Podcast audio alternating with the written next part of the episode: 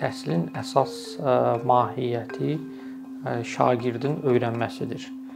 Bununla bağlı hansı addımlar ata bilərik, hansı analizlər apara bilərik? Yəni bu istiqamətdə bizim işlərimiz davam etməkdədir. Biz bu islahatları əsasən 3 yerə bölə bilərik. Biri ən vacibi birincisi məzmunla bağlı islahatlardır. İkincisi müəllimlərin inkişafı və metodik dəstək xidməti ilə bağlıdır. Üçüncü isə ümumiyyətlə qiymətləndirmə konsepsiyasının dəyişdirilməsi ilə bağlıdır. Yəni gördüyünüz kimi məzmun, müəllim, qiymətləndirmə və bütün bizim islahatlar bu çərçivə 3 istiqamətdə gedir.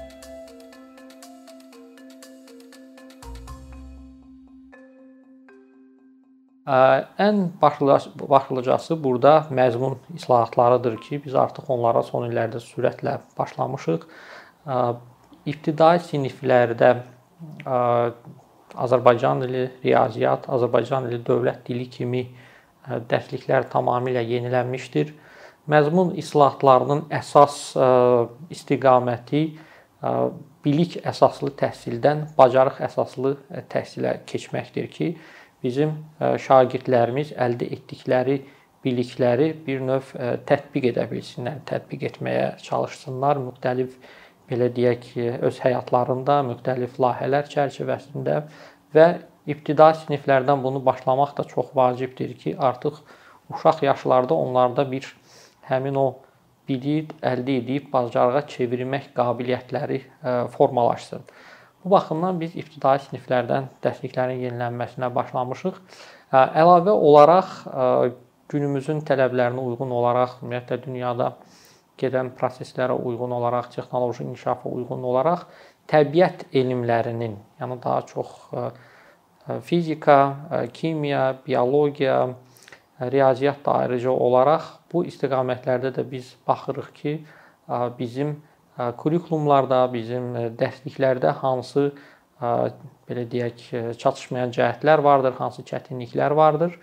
Burada da biz əsas meyar olaraq, yəni müqayisəli meyar olaraq, ölçmə meyarı olaraq beynəlxalq qiymətləndirmələri götürürük. Beynəlxalq qiymətləndirmələrə nəzərən biz baxırıq ki, bizim məzmun nə dərəcədə həmin o qiymətləndirmələrə uyğundur və hansı necə o həmin o məzmunu biz dəyişməliyik.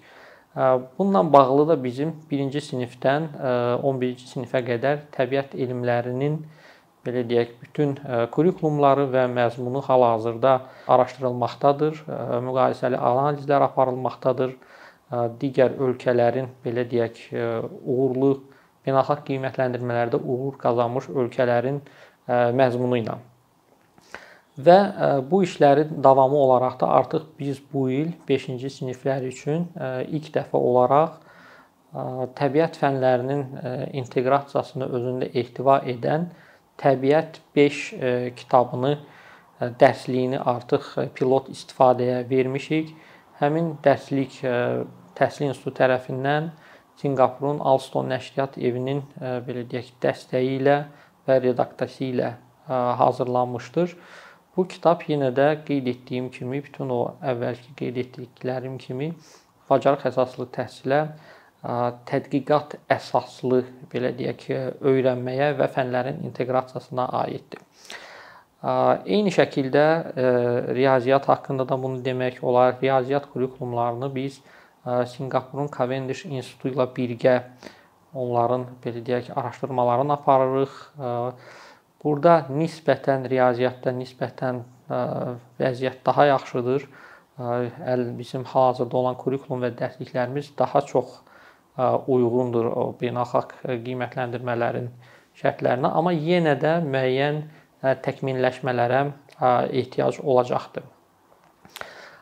Bundan əlavə olaraq ümumiyyətlə məktəbə innovativ məzmunun gətirilməsində maraqlıyıq. Bizdə artıq 3 ildən çoxdur ki, STEM Azərbaycan layihəsi davam etməkdədir. Bu çərçivədə artıq 22 mindən artıq müəllimə təlim keçirilmişdir. Məktəblərdə STEM mərkəzləri qurulmuşdur. Məktəbdən kənar da ayrıca STEM mərkəzləri qurulmuşdur, müxtəlif rayonlarda qurulmaqdadır. və artıq STEM bir növ dəstənkənar kimi müxtəlif məktəblərdə məzmun olaraq əlavə olunmuşdur. Gələcəkdə artıq həmin o məzmunun istər təmayül sinifləri şəklində, istərsə də təbiət dərslərinə inteqrasiya olunmuş şəkildə ümumiyyətlə təhsil sisteminə kütləvi şəkildə daxil olmasını hədəfləməkdəyik. Bundan əlavə olaraq informatika dərslərinin məzmununun yenilənməsi gündəmdədir. Bununla bağlı da bizim rəqəmsal bacarıqlar layihəmiz var. Bu layihənin də getdikcə çərçivəsi böyüməkdədir. Artıq daha çox məktəb hədəfləməyə çalışırıq və müəyyən müddət sonra da tamamilə bu layihə çərçivəsində artıq bütün informatika dərsləri məzmununu yenilənməyi hədəfləyirik. Digər islahatların istiqaməti isə dilin tədrisi ilə bağlıdır. İstər xarici dilin, ingilis dilinin, istərsə də Azərbaycan dilinin tədrisi ilə bağlı. İngilis dilinin tədrisi ilə bağlı artıq biz İngiltərənin Macmillan şirkəti ilə müqavilə bağlamışıq və ibtidai siniflər üçün olan ingilis dili dərsliklərini biz tamamilə yeni məzmunda formalaşdırmışıq. Bu ildən etibarən artıq 1-ci, 2-ci siniflərdə onlar kütləvi tətbiqə gedir və 3-cü, 4-cü siniflərdə pilot istifadəyə getmişdir. İngilis dili məzmununu ümumiyyətlə biz tamamilə yeniləməyi hədəfləyirik. Ümumi Avropa çərçivəsi standartlarına uyğunlaşdırmağa çalışacağıq. Yəni bu istiqamətdə də bizi gələcək illərdə həm kurikulumlar, həm məzmun, dərslik dəyişiklikləri gözləməkdədir. Azərbaycan dili e, e, məz Azərbaycan dilinin tədrisi e, məzmununa gəlincə isə bizi daha çox narahat edən məsələ rus bölmələrində və yaxud da tədris dili Azərbaycan dili olmayan digər bölmələrdə Azərbaycan dilinin tədrisidir ki, burada artıq institut tərəfindən təkliflər hazırlanıb təqdim olunmuşdur. Təkliflərdə göstərilir ki, istər həmin Azərbaycan dilinin tədris dili Azərbaycan dili olmayan bölmələrdə tədris saatlarının artırılması, eləcə də həmin o dərsliklərin məzmunun tamamilə yenilənməsi və gələcəkdə bəlkə də müəyyən müddət sonra rus bölmələrində və yaxud da tədris dili Azərbaycan dili olmayan bölmələrdə Azərbaycan dili bölmələrinin istifadə etdiyi Azərbaycan dili dərsliyi istifadə oluna bilər. Bundan əlavə olaraq Azərbaycan tarixi, məsəl üçün rus bölmələrində Azərbaycanca keçirilməsi, Zəfər tarixi bildiyiniz kimi bu ildən artıq keçirilir və bütün bölmələrdə Azərbaycan dilində keçirilir. Hərbi hazırlıq dərslərinin bütün bölmələrdə Azərbaycan dilində keçirilməsi kimi təkliflər verilmişdir və artıq qeyd etmək istərdim ki, bu təkliflərin bəziləri e, nəzərə alınmışdır və gələcək illərdə də yəqin ki, digərləri nəzərə alınacaqdır. Yəni məzmun islahatları ilə bağlı əsas e, gördüyümüz işlər e, bundan ibarətdir. Əlbəttə ki, hər hansı bir reformalar gedəndə, islahatlar gedəndə müəyyən dəyişikliklər baş verir. Həmin o dəyişikliklər də bir növ cəmiyyət tərəfindən, müəllimlər tərəfindən birmənalı qəbul olunmur. Çünki uzun illər ərzində insanların öyrəşdikləri, tutaq ki, bir məzmun var. Tutaq ki, müəllimin öyrəşdiyi bir məzmun var. Həmin məzmunla dərs deməyə artıq uzun müddətdir ki, öyrəşib və bugünkü bugünkü gün biz məzmunu nəinki təkmilləşdiririk, biz onu tamamilə dəyişməyə çalışanda artıq müəllim də müəyyən qədər öz üzərində işləməlidir. Yəni burada müəyyən qədər bizim çətinliklər ondan ibarətdir ki, yeni məzmunun məzmununa müəllimlərin uyğunlaşması, onunla bağlı özlərini belə deyək, yetişdirməsi. Bu məsələləri həll etmək üçün biz yeni dərsliklərdə həm əsas dərslik iş dəftəri ilə yanaşı müəllimlər üçün də metodik vəsait hazırlayırıq. Müəllimlərə tövsiyəmiz odur ki, həmin metodik e, vəsaitlərdən mütləq e, istifadə etsinlər. Bəzən olur ki, müəllimlər deyir ki, biz e, neçə ildir dərs keçirik, neçə ildir bizim belə deyək təcrübəmiz var. Biz niyə metodik vəsait oxumalıyıq? Lakin biz tövsiyə edirik ki, həmin o metodik vəsaitləri incələmək lazımdır. Çünki yeni dərsliklər tamamilə yeni yanaşmalarla hazırlanmışdır və əvvəlkilərdən çox fərqlənir. Valideynlərə gəlincə isə yenə də qeyd etmək istərdim ki, istər onlayn şəkildə, istərsə də print olunmuş şəkildə valideynlər üçün də valideyn bələdçisi kitabları, dərslikləri hazırlanmışdır. Xüsusilə ibtidai siniflərdə yeni dərsliklərə valideyn bələdçisi də daxildir ki, biz valideynlərə də tövsiyə eləyirik ki, bu istiqamətdə, yəni daha aktiv şəkildə uşaqların öyrənmə prosesinə qoşulsunlar. Bir bununla bağlı bir maraqlı nümunəni qeyd etmək istərdim. Bizim institutun icra etdiyi layihələrdən biri də icma əsaslı məktəb layihəsidir. Həmin o layihə artıq 15 minə yaxın uşağı əhatə eləyir.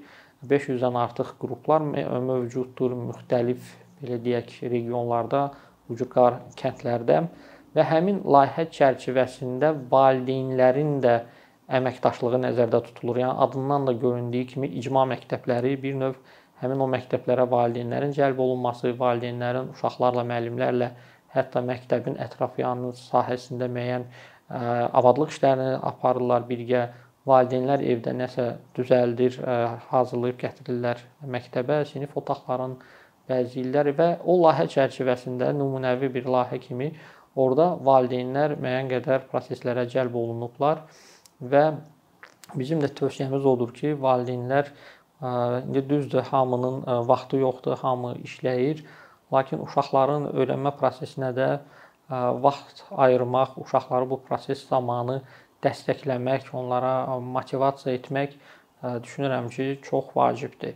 Müəllimlərlə bağlı müəllimlərin yeni islahatlara uyğunlaşması, yeni məzmun uyğunlaşması ilə bağlı da bizim müəyyən işlərimiz artıq görülür. Ən başlıca iş burada ölkədə metodik xidmətin yenidən təşkil olunmasıdır. Yəni bu o deməkdir ki, biz istəyirik ki, hər bir məktəbdə metodistlər olsun, səriştəli metodistlər olsun, hansılar ki, birbaşa təhsil institutu ilə əlaqədə olacaqlar, birbaşa belə deyək, yenilikləri institutdan birbaşa müəllimlərə, birbaşa müəllimə, məktəbə çatdıra biləcəklər. Oradakı müəllimlərə bir növ istiqamət verəcəklər, mentorluq eləyəcəklər, istər pedaqogika sahəsində, istər məzmunla bağlı, qiymətləndirmə ilə bağlı. Və bizim üçün hal-hazırda bu ən prioritet məsələlərdən biridir. Eyni zamanda bildiyiniz kimi bizdə institut müəllimlərin peşəkar inkişafında həyata keçirilir. Bununla bağlı biz il ərzində 50 mindən artıq müəllimə təlimlər keçirik. Bu təlimlərin də yeni belə deyək tələblərə, yeni məzmununa uyğunlaşdırılması prosesləri artıq başlamışdır. Yəni digər çətinliyimiz isə müəllimlərlə yanaşı yeni məzmunun hazırlanması təkcə məktəblərdə deyil, təkcə ümumi təhsil, təhsil pilləsində deyil, eyni zamanda bu peşə təhsilində, eyni zamanda ali məktəblərdə də bu proseslər çox sürətlə getməlidir. Etiraf etmək lazımdır ki, burada bizim çox ciddi şəkildə müəllif problemi ilə biz qarşılaşırıq. Yeni günün tələblərinə uyğun müəlliflərin yetişməsinə, gənc müəlliflərin yetişməsinə ehtiyacımız var. Bununla bağlı da yenə də planlarımız var. Ayrıca bir tədris resursları mərkəzi təşkilini planlayırıq və yaxın günlərdə də həmin o mərkəz daha sürətlə məzmunu yeniləmək üçün işlərə başlayacaqdır. Bütün bu islahatlar demək olar ki, artıq bir neçə il qabaq başlanmışdır. Bu islahatların nəticəsində biz deyə bilərik ki, yəni bu günə biz nələr əldə etmişik. Düşünürəm ki, bəzi çox vacib nəticələr vardır ki, onlara onları xüsusilə vurğulamağa dəyər. Məsəl üçün son illərdə, son bir neçə ildə məktəbə hazırlıq kurslarına uşaqların əlçatanlığı artmışdır. Artıq bu 3 ildir ki, məktəbə hazırlıq kursları mövcuddur və kim istəyirsə ki, onun uşağı məktəbə hazırlıqda təhsil alsın, dövlət onu maliyyələşdirir və artıq bütün Azərbaycan vətəndaşlarına məktəbə hazırlıq dövlət tərəfindən maliyyələşdirilir. Bu məsəl üçün bu son dövrdə, son bir neçə ildə bu göstərici məktəbə hazırlığa uşaqların cəlb olunması 26%-dan 80%-a qədər artmışdır, hətta daha çoxdur. Bu çox vacibdir. Erkən yaşdan uşaqların təhsilə cəlb olunması əlbəttə ki, onların gələcəkdə öyrənmə nəticələrinə də təsir edir. Biz artıq bizim tədqiqatlar da göstərir ki, məktəbə hazırlığa gedən uşaqlar və getməyən uşaqlar arasında ibtidai siniflərdə ciddi öyrənmə fərqləri ortaya çıxır. Yəni 80% daha artıq 5 yaşlı uşaqların təhsilə cəlb olunması, təhsil əlçatan olması əsas düşünürəm uğurlu nəticələrdən biridir. Digər çox vacib göstəricilər ümumiyyətlə ümumi təhsildə deyə bilərik ki, şagird nailiyyətlərində nə baş vermişdir? Qeyd etmək istərdim ki, bütün beynəlxalq qiymətləndirmələrdə istər PISA qiymətləndirmələrdə, TIMSS, PIRLS və digərlərində Azərbaycanlı şagirdlərin nailiyyətləri artmışdır. Bəzilərində bu az artmışdır, bəzilərində çox artmışdır. Ən yüksək artım hardasa 52 bal dəyərində TIMSS beynəlxalq qiymətləndirmədə olmuşdur riyaziyyat sahəsində.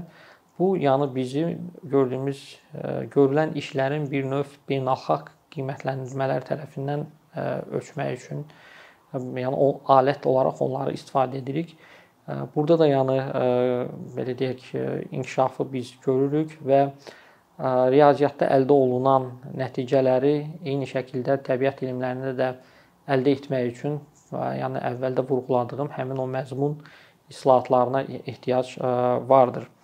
Bundan əlavə olaraq bildiyiniz kimi müəllimlərin və direktorların işə qəbulu artıq bir neçə ildir mərkəzləşmiş şəkildə davam edir. Burada proses tamamilə şəffafdır. Prosesin şəffaf olduğunu artıq cəmiyyət də qəbul etmişdir və bunun nəticəsi olaraq müəllim olmaq istəyənlərin sayı da artmışdır. Bu illəri müəllimlərin işə qəbulu imtahanında 60 mindən artıq insan iştirak etmək üçün ərizə vermişdir və hətta deyərdim ki, artıq universitetlərdə də pedaqoji fakültələrə müəllim olmaq istəyənlər onların artıq belə deyək, qəbul balları da getdikcə artmaqdadır və daha belə deyək, keyfiyyətli bir kontingentin təhsil sahəsinə müəllim olmaq istəyi bizi əslində çox sevindirir. Bu da o deməkdir ki, insanların bu prosesə inamı var. İnsanlar bilir ki, mən getsəm tutaq ki, müəllimliyi oxusam, bir şəffaf bir proses var ki, əgər mən uğurlu olsam, həqiqətən də iş tapa biləcəm. Digər tərəfdən biz məktəbləri 3 yerə ayırırıq. Belə deyək, top məktəblər, yaxşı məktəblərimiz, orta məktəblərimiz və zəif məktəblərimiz. Bizim araşdırmalar göstərir ki, yaxşı məktəblərimizin sayı artmaqdadır. Yəni orta məktəblərimiz artıq öz göstəricilərini getdikcə inkişaf etdirib belə deyək, top məktəblərimizə çata bilirlər. Yəni ümumi məktəblərin inkişafında da müəyyən dinamika hiss olunmaqdadır. Ondan başqa son illərdə belə deyək, ali təhsilə əlçatanlıq artmışdır. Məsəl üçün hardasa bir 5-6 il qabaq 37 min, 35 min insan ali məktəbdə məktəbə qəbul ola bilirdisə, bu il artıq onun sayı 50 mindən artıqdır. Hardasa 52 min ətrafındadır. Bu da yəni ali təhsildə əlçatanlığın artırılması deməkdir. Eləcə də biz müəllimlər arasında da aparılan tədqiqatlar göstərir ki, müəllimlərin öz karyeralarından məmnuniyyət göstəriciləri də son illərdə 62%-dən 73%-ə qədər artmışdır. Əlbəttə ki, bütün bunlar yaxşı göstəricilər olsa da, bu belə deyək, hələ başlanğıcdır və düşünürəm ki, planlaşdırılan islahatlar bu nəticələri gələcək illərdə sürətlə daha da yaxşılaşdırılmasına səbəb olacaq. Bir neçə ildir ki, əkinçi olaraq azərbaycanlı izləyicilərin hər zaman faydalana biləcəyi keyfiyyətli və ən əsas ödənişsiz kontent hazırlamağa çalışırıq. İndiyədək təqdim etdiyimiz onlarla animasiya və yüzlərlə çəkilişlər tələbələrin, mütəxəssislərin, müəllimlərin və ümumiyyətlə yeni mövzulardan xəbərdar olmaq istəyən çox sayda insanın marağına səbəb olub.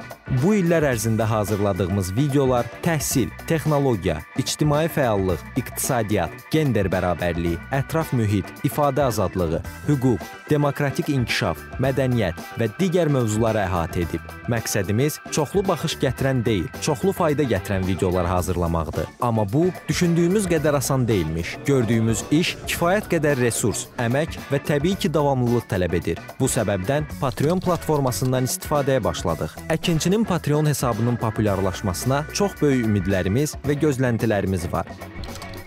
Bəziləriniz Patreon haqqında ilk dəfə eşidirsiniz. Əslində çox sadə izahı olan bir platformadır. Təsəvvür edin ki, siz rəssam və ya musiqiçisiz. Sosial şəbəkələrdə sizi izləyən, işinizi bəyənən çox sayda insan var. Patreon platforması sizə imkan verir ki, izləyicilərinizin könüllü aylıq ödənişləri sayəsində işinizi davam etdirəsiniz. Sərgi, konsert zallarından asılı qalmayasınız. Amma bu təkcə rəssam və musiqiçilərə aid deyil. Məsələn, əkinçiyə bənzər fəaliyyətlə məşğul olan bəzi layihələrin 10 minlərlə patronu var. Biz də düşündük ki, nə üçün əkinçinin Patreon hesabı olmasın? Sizin dəstəyiniz sayəsində biz daha çox və daha keyfiyyətli kontent yaratmağa davam edə biləcəyik. Amma bu dəstək yalnız maddi dəstək deyil. Dəstəkçilərimizin sayının artması gördüyümüz işlərin faydalı olduğuna dair əminlik verir.